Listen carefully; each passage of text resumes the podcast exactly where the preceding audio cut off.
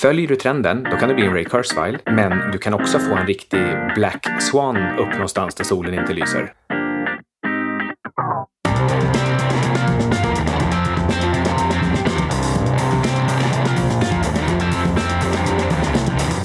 Hej och välkommen till 25 minuter med Syding och Sundström. Det här avsnittet produceras som vanligt av tradevenue.se och klipps av Johan Olsson. Idag ska vi prata om trender. Ofta så har vi pratat om att bryta sig loss ur homeostasen, om att våga vara contrarian, våga avvika från flocken, social smärttolerans och liknande saker. Men idag ska vi prata om egentligen motsatsen till det här, att eh, våga följa trenden. På börsen till exempel, det är där jag har mest vana, då kan man tjäna oerhört mycket pengar pengar om man lyckas pricka toppar eller bottnar. Man lyckas eh, hitta och identifiera trendvändningar innan någon annan gör det. Men det är egentligen snarare så att de flesta som försöker förutspå de här vändningarna, de förlorar pengar. Det är en mycket mer hållbar strategi att identifiera trenden tidigt och gå med den. Alltså vi har ju gjort två stycken avsnitt ganska tidigt i den här serien, kanske tio eller elva eller något sånt där. Men ja, men två tidiga stycken som eh, handlar handlade om just mm, följa trenden jämfört med att vara contrarian. Ja, de handlade väl lite om det då. Men om man kollar på nu så här, ja, när vi snackade med Alexander Bard och det här var väl kanske ett halvår sedan. Då tipsade han om den här Jordan Peterson och han är ganska snabb på att hitta trender och sådär. Och det här tror jag för övrigt är ett ganska mm,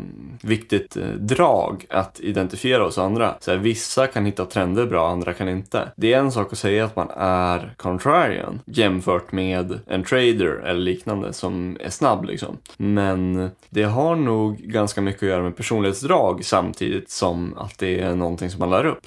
Och eh, vissa personer är snabbare på att identifiera olika sorters trender inom olika områden medan vissa är kanske mer stoiska, eller vad man ska säga. Nej men tillbaka till det med Bard. Han sa ju det där först, att kolla på den här Jordan Peterson. Och eh, jag kollade det, alltså kollade en video. Tänkte jag, men fan, han är ju inget speciellt. Sen eh, kollade jag en ny video nu efter att vi gjorde den här Martin Borgs-intervjun. Kollade lite mer så här och han, eh, nej, men han säger en del bra saker liksom. Han är smart och kan uttrycka sig. Men det var ingenting som jag reagerade på först. Och det kanske visar på att jag är dålig på att identifiera trender. För han har ju blivit jättestor nu. Men när vi började snacka om det här där, eller vi har inte snackat om det, men när eh, Alexander Bard nämnde det där, då var inte han någon liksom. Och nu är han asstor. Jag har säkert hört flera, fem personer nämna honom. Okej, okay. jag kollade faktiskt aldrig upp honom, men när jag har lyssnat runt så har jag förstått att Jordan Peterson är väldigt bra på vissa saker, men sen eh, har han en tendens till att gå långt utanför sin eh, kompetenssfär och därmed uttalar sig om precis allt möjligt som han egentligen inte är så bra på. Och det fick mig att ja, egentligen inte vilja lägga någon tid på att, att se vad han har att säga. Lendify sponsrar veckans diskussioner om trender och Lendify självt exemplifierar trenden med peer-to-peer lending där de utmanar bankerna genom att ge bättre avkastning till spararna och lägre ränta till låntagarna. Man kan säga att Lendify mäter och redovisar risken, men du tar den. Och avkastningen. För att snabba på framväxten av det här nya tillgångslaget tar Lendify även in kapital via obligationsemissioner. I tisdags stängde Lendify till exempel en obligationsemission på 400 miljoner, vilket tar totalen till 700 miljoner kronor. Det är alltså stora institutioner som väljer att investera i privatlån via Lendifys plattform. Uppenbarligen så har Lendify byggt en teknisk plattform och kreditmodell som tillsammans utgör en attraktiv affärsmodell för både proffs och privatpersoner. Som ett exempel på marknadens ökande förtroende förtroende för Lendify så kunde kupongen på obligationen sänkas till 4,5 procent den här gången från 5 procent senast. Obligationsemissionerna möjliggör större volymer lån, vilket bland annat innebär att Lendify kan öka riskspridningen i investerarnas portföljer. Läs gärna mer på lendify.se eller bli kund via min affiliate-länk så får du 500 kronor i välkomstbonus när du investerar 10 000 kronor.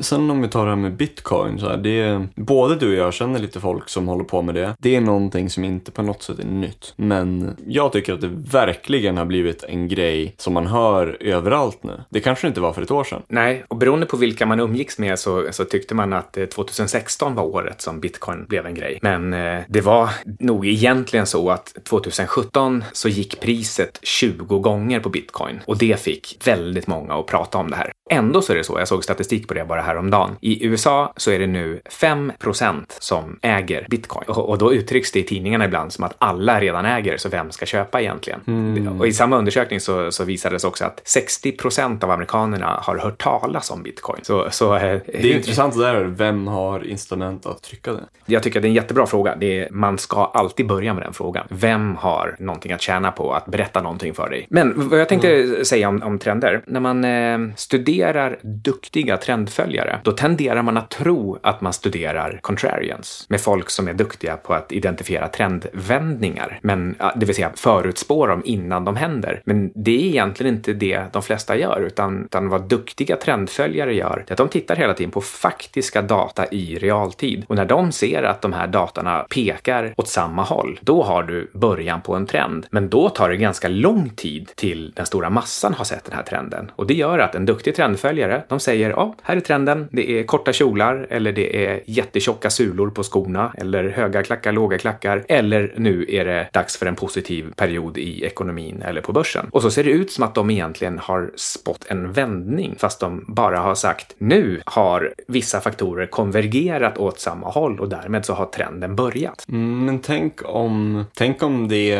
alltså det som du säger kan ju vara rätt, men tänk om det är så att de bara intuitivt är duktiga på att på något sätt känna att nu är det en ny trend. Folk som är intuitivt bra på att se att någonting ändras. De ser inte att det kommer vara en trend om ett år eller eh, två år eller liknande. Men de ser att någonting ändras. Så de har någonting tydligt i sin mönsterigenkänning som tillåter dem att se en förändring, en stor kontrast. Men det betyder inte att de vet att det kommer gå hit och hit och hit. De kan inte förutse ett pris, de kan inte förutse eh, någon higher order thinking, liksom flera steg framåt, vad det kan leda till. utan De ser bara nu ändras någonting och de kan, konver, de kan kommunicera det på ett sätt som folk märker via ett medium. Jag håller med om det du säger. Det där, vänta, vänta, det där var extremt vagt. Men jag tänker så här att de har kanske ett stort eh, newsletter eller en stor podcast eller någonting och så bara okej, okay, nu ser jag någonting som ändras och här var de säger inte ens vad de, vad de baserar på, men det är bara så här, det här ändras och jag känner det och eh, jag tror på det och sen alla andra, okej, okay, jag litar på dem och sen tänker de, okej, okay, då köper jag det här. Jag ser hur olika typer av influencers eller kanske inköpare på ett modeföretag, att de kanske styrs lite mer av den här typen av intuitiva analys av, av trender. Jag kan egentligen bara tala för min egen period som eh, investerare och där gick det så långt att, att jag misstog trendanalys för försök att prognostisera trendvändningar. Så eh, även om jag själv började som analytiker av realtidsdata så slutade det med att jag försökte förekomma den här datan och, eh, och, och försöka hitta de här vändningarna innan de egentligen skedde. Och, och det där är ett, ett misstag. Och, och, det är det jag egentligen vill få fram idag. Att man, man ska inte försöka gå det där extra steget till att prognostisera vändningar, utan det är snarare så att vi människor, vi är flockdjur och vi styrs av viljan att, att höra ihop. Och när en trend väl har startat, eller när en trend pågår, då är det för det mesta bättre att bara haka på den. Och det är svårt nog, som man kanske kan läsa in mellan raderna i det vi säger, det är svårt nog att identifiera vad trenden faktiskt är. Vad är det som pågår just nu? För som du sa lite tidigare så är det ingen som, precis som att det inte är någon som ringer din klocka på toppen av börsen, så är det heller ingen som eh, så skriver ut vad trenden är åt dig i ett tidigt skede. Utom på social media. Ja. Fast ingen säger ju trenden är. Nej, där kan man använda någon typ av AI för att analysera all ostrukturerad data och då kanske man faktiskt kan hitta när en trend är på gång. Min eh, poäng här, det är att om du ska lägga energi på de här sakerna, särskilt när det gäller börsen, så lägg energin på att identifiera vad faktiska data är, inte på att göra prognoser. Prognoserna är extremt svåra. Då, då menar jag prognoser om trendvändningar. Däremot får du gärna göra prognoser som innebär att du bara extrapolerar det som redan pågår. Så ta upp de data som finns, till exempel för ett enstaka företag du tittar på, eller för de makrofaktorer som finns och bara utgå i de allra flesta fall från att det som pågår just nu, det kommer fortsätta. Så är det en, en viss förändringstakt som du kan se i de senaste månaderna eller kvartalen, då anta att förändringstakten fortsätter. Eller är det en viss nivå som har pågått de senaste månaderna eller kvartalen, så antag att den nivån fortsätter att gälla. Och sen kan du dra slutsatser om vad det betyder om några månader eller kvartal, om de här trenderna har fortsatt. Då kan du säga, hmm, men det verkar som att andra tror att det här ska ändras. Eller folk har inte vett att betala tillräckligt mycket eller tillräckligt lite för vad det här innebär om trenden fortsätter om du inte redan har någon slags mönsterigenkänning för de här grejerna, att du har hållit på ett tag, då, då kan det vara svårt att se skillnaden. Så kanske man ska dra den enkla tumregeln att du ska inte försöka utspå, utspå någon sorts trend alls om inte du har hållit på ett par år. Eller om du har hållit på många år, då kan du göra det. Men det är fortfarande stor risk generellt så gäller ju på börsen att ta det väldigt försiktigt i början. Om du ska investera själv så börja med att köpa breda fonder eller en eh, portfölj av investmentbolag. Då gör du egentligen ingen analys alls utan du överlåter all analys på någon annan som man får anta är ett proffs som ändå kan hantera det här hyggligt väl. Och det är först när du har hållit på ett antal tusen timmar med det här som du antagligen börjar få upp någon typ av känsla för hur trenden ser ut, vilka variabler variabler som är viktiga, vad som betyder någonting för dig och dina investeringar och det är, det är först då som, som man ska sätta pengar på det. Det här är intressant på andra områden än börsen också förstås. Alltså tanken är att det här är allmängiltigt. Till exempel inom teknik, där finns det en kille som heter Ray Kurzweil och han har i princip eh, förutspått all intressant teknikutveckling de senaste 30-40 åren. Om du är intresserad av, av teknik och trender så googla Ray Kurzweil eller bara följ länken från vårt lyssnarbrev. Det där är en oerhört fascinerande herre. Vad som är intressant med honom är att han tog någonting så enkelt som egentligen Moores lag och eh, så extrapolerade han den. Och utifrån det så har han gjort en del spektakulära förutsägelser som också har fallit in. För utomstående så har den här enkla analysen av att trenden bara fortsätter, så har den sett ut som att han har förutspått fullständigt epokgörande förändringar. Och... Fast vem har täckt det? Okay, alltså jag vet ju om det, men sen, ända sedan vi typ började den här podden. Men det är så här, nu hör jag om bitcoin och eh, den här Jordan Peterson och eh, ja, men det, det är sådana saker. Och jag hör om det av folk jag träffar typ varje vecka. Men jag hör inte någon nämna Ray Kurzweil. Nej, och det är sant. Åtminstone i Sverige så är det, ja, det är nog färre som känner till Ray Kurzweil än som äger bitcoin.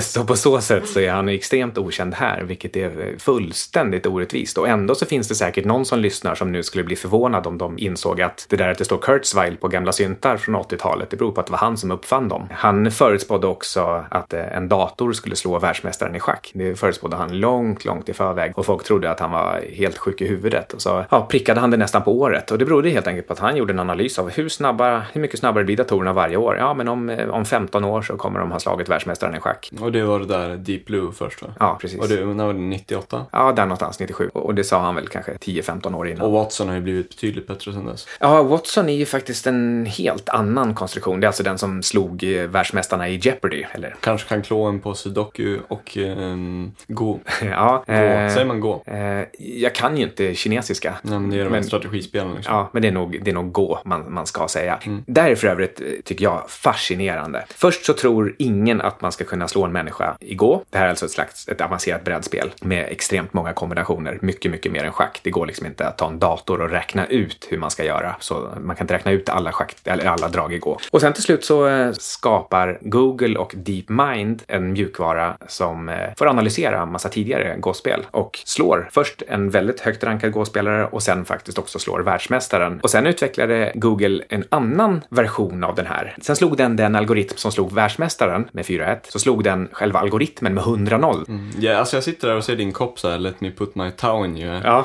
jag kommer att tänka på eh, att, alltså tänk dig det är han som var först världsmästaren i schack och sen i andra olika sporter man kan spela mot en dator. Så här, att de, eh, först att de ställer upp och att alltså, risken att förlora finns och de vet nog om det. För de är villiga att offra sig. Och då eh, går de, på ett sätt så går de i förlusten att eh, förlora sitt rykte. Men samtidigt så kan de också bli den första historien att bli ihågkommen som den som först förlorade mot en dator men var bäst. Så det är en fråga om ego jämfört med historia, men även legacy. Jag för mig att Kasparov som förlorade i schack, att han eh, själv har sagt att han visste att det här skulle hända. Så han var egentligen inte så himla förvånad, men han satte upp sin bästa, liksom, det bästa han kunde. Eh, Jeopardy-mästarna, de tog det också väldigt bra och sa liksom, att vi vi, välkomnar våra kommande överherrar i, i, i, inom dat datorerna. Mm. Men, du tänker så här, kanske inom fem år eller någonting, ja, vem, tio år, tjugo år, men, ja, vem vet. Men så här när, när de gör de första UFC-robotarna. Ja, ja, det blir, blir väldigt speciellt. Det finns ju ett pågående projekt, 2050, eh, världsmästarna i fotboll. Tanken är att ett robotlag, ja, ett robotlag ska slå världsmästarna i fotboll med samma regler. Jo, men då, då har du, nej, det där tror jag, det tror jag nästan är simplistiskt. Det, men där, alltså för ett helt lag, att de ska kommunicera ihop allihopa. Det, det är en väldigt stor hoppning mellan det och en enda robot. Däremot så kanske en kampsportrobot kan klå en UFC-robot inom 5-10 år, mm. 20 år. Ja, det är hur som helst, det är väldigt långt till 2050 och äh, har man sett de senaste robotarna och hur mycket de har utvecklats på bara 12 månader så äh, jag skulle sätta pengarna på robotlaget om jag skulle sätta pengarna nu på världsmästerskapen år 2050. Det fanns ju en science fiction-författare och han sa att uh, the future is here now but it's not equally distributed. Mm. Du känner till det här? Ja, ja absolut. Och det, det är sanningen. Så är det nu. Det finns folk som lever i byar ute i konstiga slätter som inte har koll alls. Och så jämför man det med, ja, olika personer i olika ställen som är väldigt duktiga inom sina expertområden och kan väldigt mycket om det. Och sen jämför också det med folk som är riktiga mm, connectors, eller vad man ska säga, som kan från olika områden. Och det, det, det blir en väldigt ojämn distribution där. Ja, och, och sen finns det ju folk som eh, lever i de där byarna eller väldigt nära en till och som ändå har mobiltelefoner med uppkoppling mot internet och därmed egentligen har en modernare tillvaro än USAs president hade för 25 år sedan. Jo, jo, men just det här med distribution, liksom att det, det finns en slags, sanning är väl fel ord, liksom, men det, det finns nyaste tekniken inom olika områden. Och bara för att ett, eh, ja, en del av befolkningen, oftast experterna, vet om den och de vet ofta om den 10, 20, 50 år i förväg så betyder inte det att det kommer in till eh, populärbefolkningen förrän långt senare. Nej, verkligen. Och det där är också, det finns en intressant parallell till börsen. Och det är nämligen att även om du kan se att en trend inte är uthållig, att det här, det här kan inte hålla, jag vet inte, till exempel penningtryckande eller dagens börsvärderingar, det behöver inte vara så, men säg att det inte är hållbart. Det betyder definitivt inte, inevitable är inte samma sak som imminent. Det vill säga att även om det är oundvikligt att någonting ska ske så betyder det inte att det sker just nu. Och då kan du applicera det på teknikspridningen, att även om det är oundvikligt att alla kommer få tillgång till den förr eller senare så eh, betyder det definitivt inte att det är just nu. Och därför får du den här isärspädningen. Tänk om det går för långt. Tänk om det är så att de personerna som inte har teknik blir arga och dödar alla som inte får något. Ja, men jag tänkte knyta ihop två trådar. Det ena det är den här AlphaGo-datorn. För sen gjorde Alf, eh, Google ytterligare en version av den. Som jag kommer inte ihåg på vilket sätt den tränade, men den började från helt och hållet från scratch. Och fick, liksom, den fick bara reglerna. Det var allt. Eh, om, den ens, om den ens fick reglerna. Jo, men det fick den nog. Och, så, och då mm. slog den den förra generationen igen. Alltså den som hade slagit den andra med 100-0. Den här nya generationen slog den generationen med 100-0. Och sen bara för skojs skull så gav eh, Google den här algoritmen, den gav den schackreglerna. Och på åtta timmar så blev den så bra på schack att den slog den tidigare bästa schackdatorn. Alltså det vill säga den datorn som ja, för 20 år sedan slog världsmästaren och sen dess har det kommit massor med nya generationer. Och sen utvecklar Google en algoritm som på åtta timmar från att bara kunna reglerna blir bättre än alla andra datorer någonsin. Så där kan man verkligen säga att framtiden är här, fast bara i Googles laboratorium. Den andra tråden här, det var Kurzweil. Nu hann vi inte riktigt in på varför han är så himla stor, utan det får man kolla upp. Men han har skrivit en bok som heter The Singularity is Near och i den så bara drar han ut tekniktrenderna, eh, låt oss säga 30 år till från nu. Och det han tar fram i den, som egentligen bara är en, en fortsättning på exakt det som redan sker. Eh, det som finns i den, det är så fantastiskt så det här att, eh, att ett